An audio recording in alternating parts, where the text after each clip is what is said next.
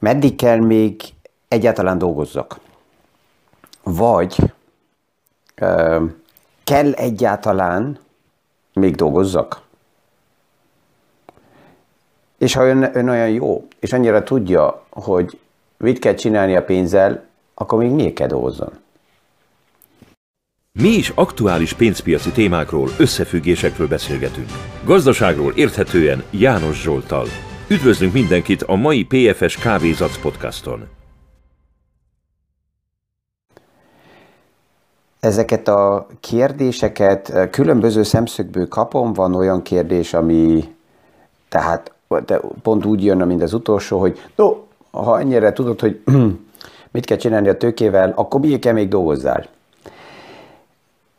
Ezt a kérdést is, ezt a szemszöget is eh, ma meg szeretném világítani, de van olyan komoly kérdés is ügyfél oldaláról, hogy mekkora tőkére van szükségem, hogy akár a hozamból tudjak élni. Az, amikor valaki azt mondja, hogy na, de mennyi kell, hogy ne kelljen dolgozzak, annak általában más az üzenete, mint csak egy tőkepiaci kérdés. A kérdés az, hogy miért kell egyáltalán, vagy honnan alakult ki ez a helyzet, hogy ez az ember úgy érzi, hogy ő kell dolgozzon. Mert aki ezt érzi, hogy nap mint nap kell dolgozzon, mert há kell dolgozni, az életidőt pazarol. Az elég szegény. Véleményem szerint, az én szemszögemből nézve. Ez a kérdés, hogy meddig kell dolgozni, tehát közelítsük ebből avval a kérdésből meg, hogy mekkora tőkére lenne szükség, hogy ne kelljen munkába járni, és mégis tudjam finanszírozni az életemet. Ez persze, hogy életszínvonal, fogyasztás kérdése, és attól függ, hogy hogy élek, majd egy nagy városba élek, Budapesten, Bécsbe, más lehetőségek vannak, más infrastruktúra van körbe, akkor másképp néz ki az életem, mint hogyha most kinélek egy, egy kis falon, nincsenek kulturális lehetőségek, nem járok vendéglőbe, nincsenek klubok, ott, ott, ott más élet zajlik, és ez mindig az a kérdés, hogy ki nézi ezt meg, ha elmegyek évente többször um, Cannes, Monte Carlo-ba, utazok, sielni járok hajókra, akkor megint más az életszínvonalam, és azt kell megfinanszírozzam, tehát már ez a kérdés, hogyha ezt valaki komolyan felteszi, ez innentől kezdve egyedi. Mert az, ami még egyszer mondom, a szomszédnak egy életszínvonal lehet, amire azt mondja, hogy ez neki jó, az lehet, hogy nekem túl kevés, vagy már túl sok. Vannak ugye az úgynevezett fugalisten, ezt így mondják németül, magyarra lefordítva, mert megnéztem, a nagyon erősen takarékoskodók. A definíciója ennek, hogy fugalista, vagy takarékoskodó, az azt jelenti, hogy minimális szintre visszaveszi a fogyasztást, és azon a szinten éli az életet. Most van olyan ember, aki ezt élvezi, és nem veszi meg a fagyit, mert azt mondja, hogy ezt én otthon előállítom magamnak, és ezért ez, ez olcsóbb hogy ugyanez a minőség, és minden, az, az nem is kell vitassuk. Tehát van olyan ember, aki, aki ezt élvezi, mint életszínvonalt, neki persze, hogy jóval kevesebb összegre van szüksége, mint valaki, aki, aki benne van egy, egy fogyasztási körforgásba, és ebből éli az életét. Ha vesszük az átlagot, itt Ausztriában, Németországban, megnéztem statisztikákat, egy folyamatos munkába teljesen foglalkoztatott átlag ember fizetése, bevétele, az, átlag bevétel, mondjuk így, nem átlag embernek a bevétele, hanem az átlag fizetés, az így körülbelül 4000 euró havonta bruttó, ebből persze, hogy lejön az adó, lejönnek a TB járulékok, tehát valahol össz, megmarad olyan 2600-2800 euró nettó havonta. Ha ebből indulnék ki, mint átlag szám, már ebből látjuk azt, hogy van olyan ember, aki, akinek ez, mivel olyan életet él, olyan környezetbe, és ez az ő elképzelése, ez már sok, és ebből nagy rész meg is marad, de van olyan ember, aki azt mondja, hogy oké, és a második hét után mit, mit tegyek, miből finanszírozzam az életemet. Um, megnéztem marketing oldalról is ezt a takarékoskodót, és uh, van, van egy bank, amelyiknek a honlapján kim van az, hogy a marketing szövege, hogy 40 éves korban legyen nyugdíjas. És pont erre az átlag számra épít rá, és az van azután, hogy oké, okay, hogyha a havi netto bevételnek 80%-át félreteszi valaki, akkor sikerül 40 éves korra akkora összeget félretenni, hogy ebből tudjon élni. Hogy ez van egy banknak a marketing oldalán, ez, ez teljesen logikus, mert mit akar a bank, add ide a 80%-ot, klik, fektessük be, akkor itt a pénz nálam, ez az ő bizniszmodelle. De, de már csak gondolkozunk azon el, ha valaki ma ezt a célt akarja követni, hogy félreteszek ma minél több pénzt, hogy elérjem azt az összeget, hogy akkor ne kelljen dolgozzak, és a, a, a, a pénzből tudjak élni, akkor azt jelenti, hogy ő ma lemond fogyasztásról, azért, hogy majd később kvázi időzőjelben legyen jobb neki, és ezért ma nagyon mereven arra koncentrál, hogy, hogy minél többet félretenni, félretenni, minél többről lemondani, hogy maximális tőke maradjon. Ez helyese vagy jó-e? Individuális döntés kérdése. Ha megnézzük az idősebb generációkat, ezt nagyon sokszor nagyszülőknél lehet látni, akik a háború után felépítettek sok mindent, felépítették Európát, és hozzá voltak szokva ahhoz, hogy sporoljanak, minden eurót, minden fillért megforgattak, félretették a pénzt, tehát hozzaszoktak a lemondáshoz, hozzaszoktak a nagyon egyszerű életmodellhez, és később is, amikor már akkora összeg összejött, hogy abból is tudták volna finanszírozni az életüket, mert a nap végén a biológia az diktálja nekünk, hogy mindegy, hogy mennyit építettünk fel, a következő dimenzióba elvinni nem, nem tudunk semmit. Az utolsó pizsomának nem lesz zsebe. Tehát így, így jön vagy valamikor a kérdés, hogy ezzel mi történjen, tehát nagyon sok esetben, mivel hozzászoktak ahhoz, hogy nagyon-nagyon uh, takarékoskodóan élték az életüket, ezért később sem költik el ezeket a pénzeket. Tehát az az ember, aki azt mondja, hogy most lemondok, és majd később az lesz, azok, azoknál azt látom, hogy sajnos most nem élzik az, élvezik az életet, mert elég mereven, makacson lemondanak mindenről, azért, hogy ezt maximálisan félretegyék.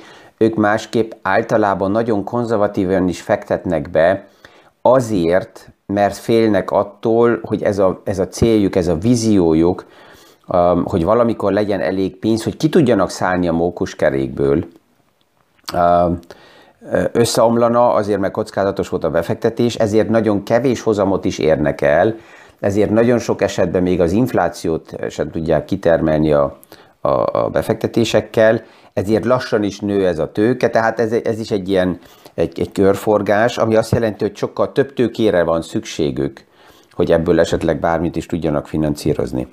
Na most, ha visszatérek a nagyszülőkhöz, akkor ott azt látom, hogy ez, ebből kialakul egy olyan helyzet, hogy nagyon-nagyon hozzászoktak a lemondáshoz, és akkor az a pénz, amit össze sporoltak, az megmarad a következő generációnak.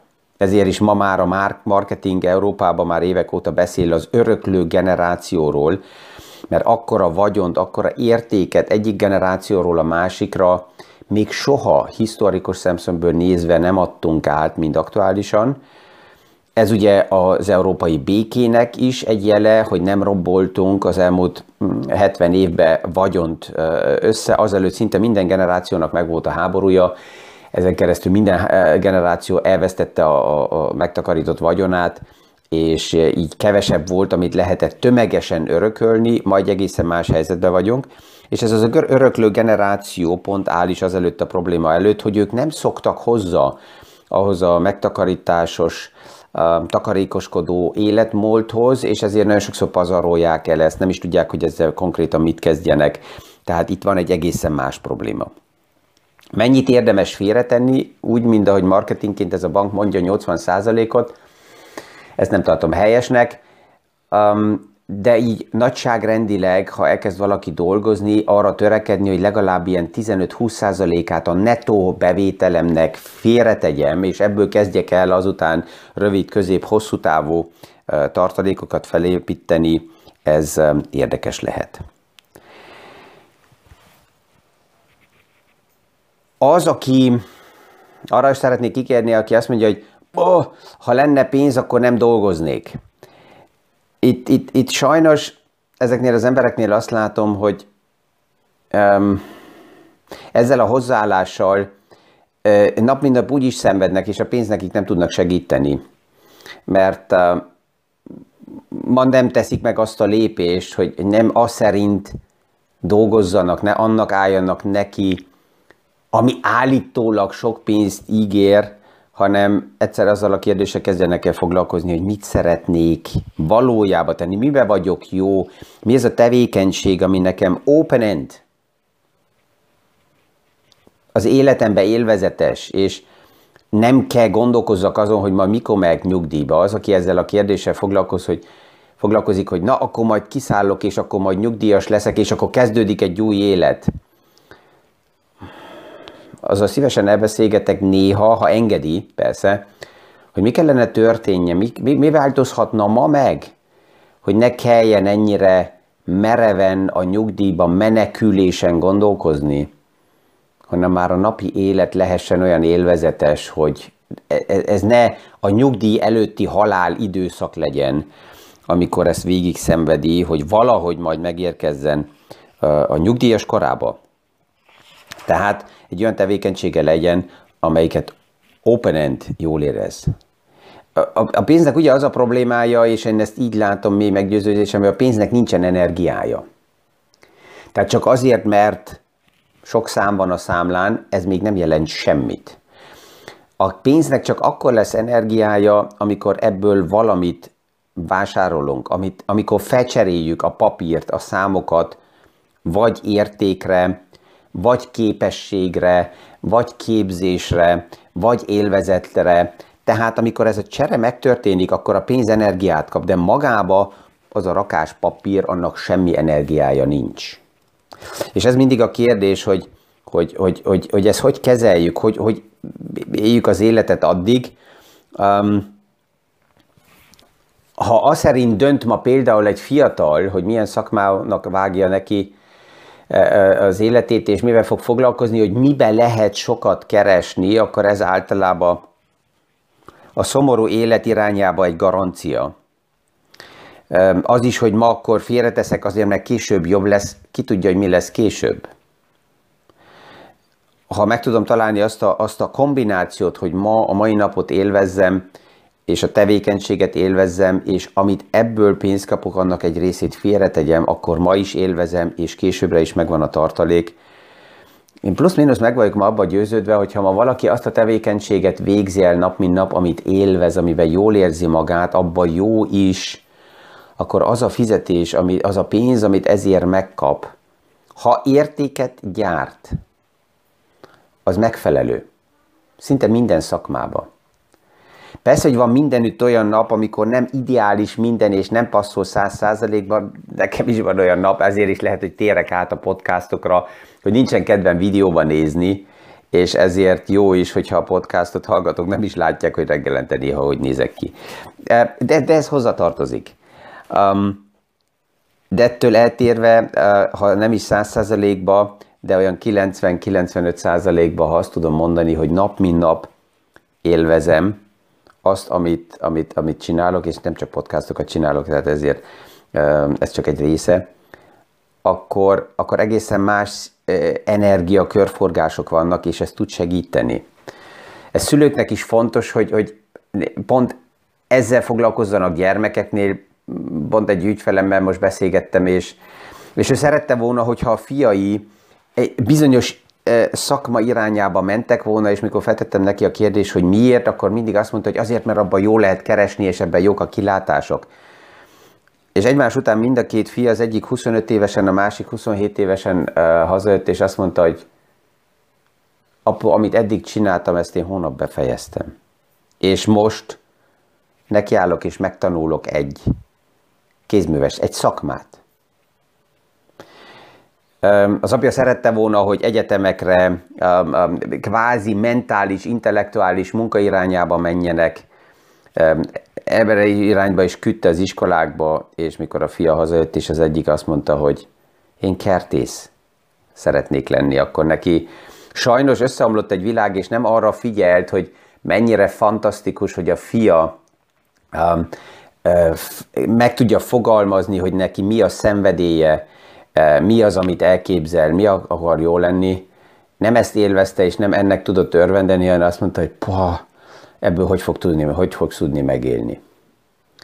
És amikor egy pár évvel később a másik fia is most jött, és azt mondta, hogy apu, én asztalos fogok tanulni.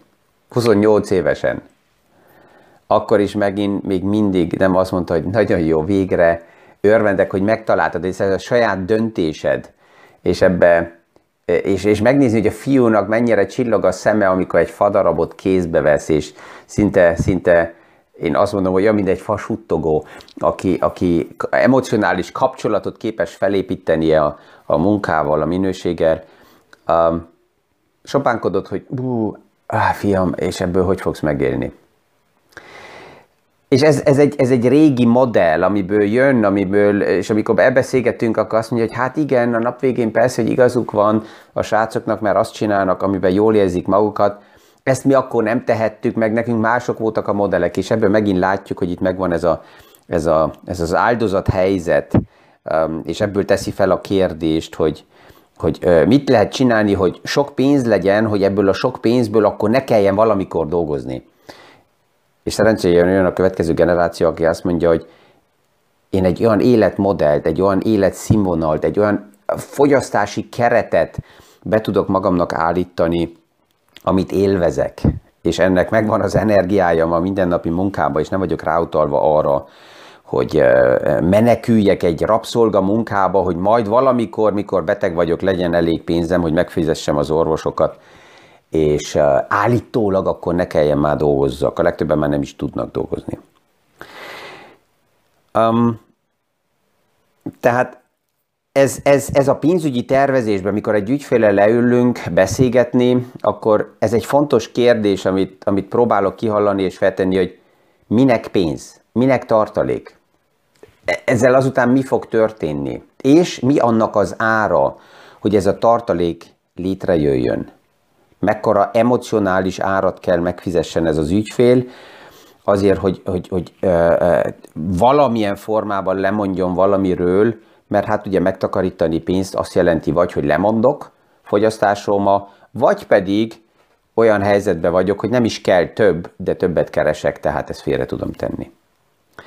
De akkor a végére mégis egy ilyen képlethez szeretnék kerülni, ami ad számokat, hogy ebbe lehet kapaszkodni.